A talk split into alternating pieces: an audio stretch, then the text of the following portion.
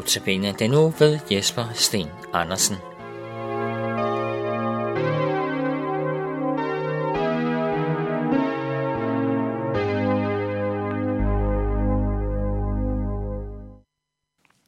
Og vi skal lytte til Markus evangeliet kapitel 16, vers 1-15. Da sabbaten var forbi, købte Maria Magdalene og Maria Jakobs mor og Salome vellugtende salver for at gå ud og salve ham. Meget tidligere om morgenen den første dag i ugen kommer de til graven, da solen var stået op. Da de sagde til hinanden, hvem skal vi få til at vælte stenen fra indgangen til graven? Men da de så derhen, opdagede de, at stenen var væltet fra, for den var meget stor. Og da de kom ind i graven, så de en ung mand i hvide klæder sidde i den højre side, og de blev forfærdede. Men han sagde til dem, vær ikke forfærdet, I søger efter Jesus fra Nazareth, den korsfæstede. Han er opstået, han er ikke her.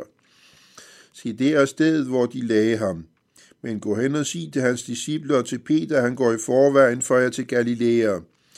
Der skal I se ham, som han har sagt jer det. Og de gik ud og flygtede fra graven, for de var rystede og ude af sig selv. Og de sagde ikke noget til nogen, for de var bange.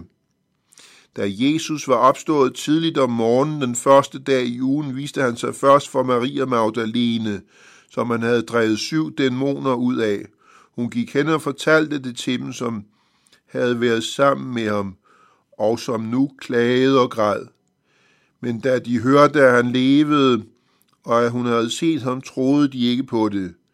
Derefter viste han sig en anden skikkelse for to af dem, mens de var på vej ud på landet. De gik også hen og talte med de andre.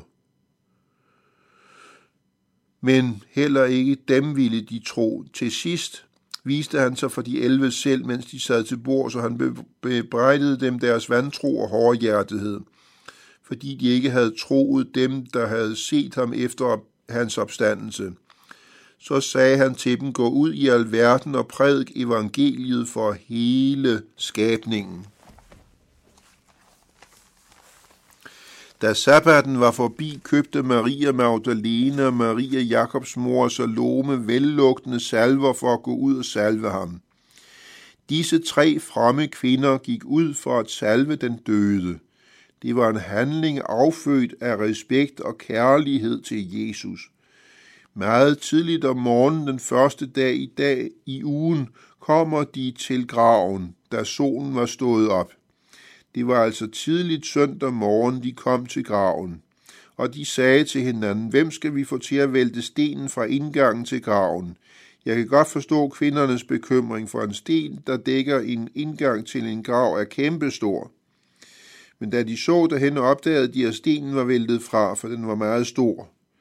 Sådan er det nogle gange at være kristen. Problemerne ligesom løser sig selv og da de kom ind i graven, så de en ung mand i hvide klæder sidde i den højre side, og de blev forfærdede.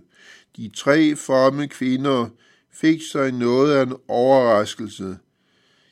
De kom med vellugtende salver for at salve en død, og i stedet møder de en ung mand, som de ikke vidste, hvem var. Men han sagde til dem, vær ikke forfærdede, i søger efter Jesus fra Nazareth, den korsfæstede. Han er opstået, han er ikke her. Se der sted, hvor de lagde ham. De tre kvinder fik sig deres livs overraskelse. Graven var tom. Jesus var der ikke. Han var opstået fra de døde. Det er en kendskærning, der ikke er rationelt forklarlig. Det er resultatet af Guds direkte indgriben. Døden kunne ikke holde Jesus fangen. Gud fader oprejste ham fra de døde. Men gå hen og sig til hans disciple og til Peter, han går i forvejen for jer til Galilea. Der skal I se, hans, se ham, som han har sagt jer det. Der gik 40 dage mellem Jesu opstandelse og himmelfart, hvor Jesus viste sig for disciplene. Der var således mange opstandelsesvidner til Jesu fysiske opstandelse.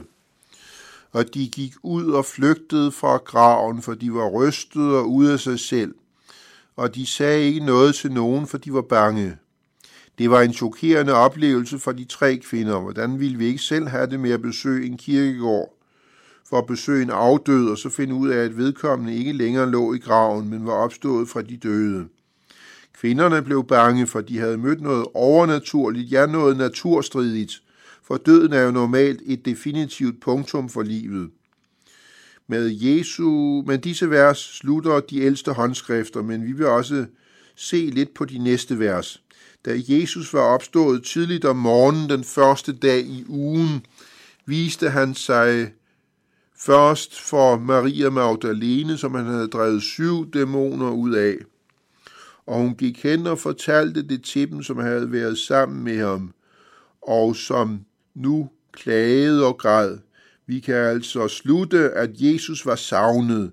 Jesus efterladte sørgede over hans død. De græd lige frem. Men da de hørte, at han levede, og at, han, og at hun havde set ham, troede de ikke på det. Kvindernes budskab blev mødt med vantro af de nærmeste. De sad og sørgede over tabet af Jesus. Og så kommer der tre kvinder og fortæller, at han er opstanden. Nu har vi jo fejret påske år efter år i 2000 år, så for os er tanken ikke så fremmed, men dengang var den helt banebrydende. Derefter viste han sig en anden skikkelse for de elve, selv mens de sad til bords, og han bebrejdede dem deres vantro og hårdhjertethed, fordi de ikke havde troet dem, der havde set ham efter hans opstandelse. Vi mennesker er ofte nogle tisselgemytter, hårde og træge til at tro. Og det var Jesu allernærmeste disciple. Men det betyder ikke, at så har vi også lov til at være det. Så sagde han til dem, gå ud i alverden og prædik evangeliet for hele skabningen. Det er den opgave, som Jesus giver sine disciple. Gå ud i alverden og prædik evangeliet. Det gælder også os i dag. Også i vores generation gælder det, at vi er forpligtet til at vidne og forkynde evangeliet. Jeg har det på den måde, at det er umuligt at holde en andagt om Jesu opstandelse uden at tænke på opstandelseskapitlet i 1. Korintherbrev kapitel 15. Her skriver Paulus, Jeg overleverede jer nemlig som først og fremmest, hvad jeg også selv har modtaget, at Kristus døde for vores synder efter skrifterne, at han blev begravet, at han opstod på den tredje dag efter skrifterne, og han blev set af Kefas og dernæst af de tolv. Dernæst blev han set af hver af over 500 brødre på én gang. De fleste af dem er endnu i live, men nogle er sovet hen. Dernæst blev han set af Jakob siden af alle apostlene men til sidst af alle blev han også set af en misfoster som mig, for jeg er den ringeste af apostlene, ikke værdig til at kaldes en apostel, fordi jeg har forfulgt Guds kirke, vers 3-9.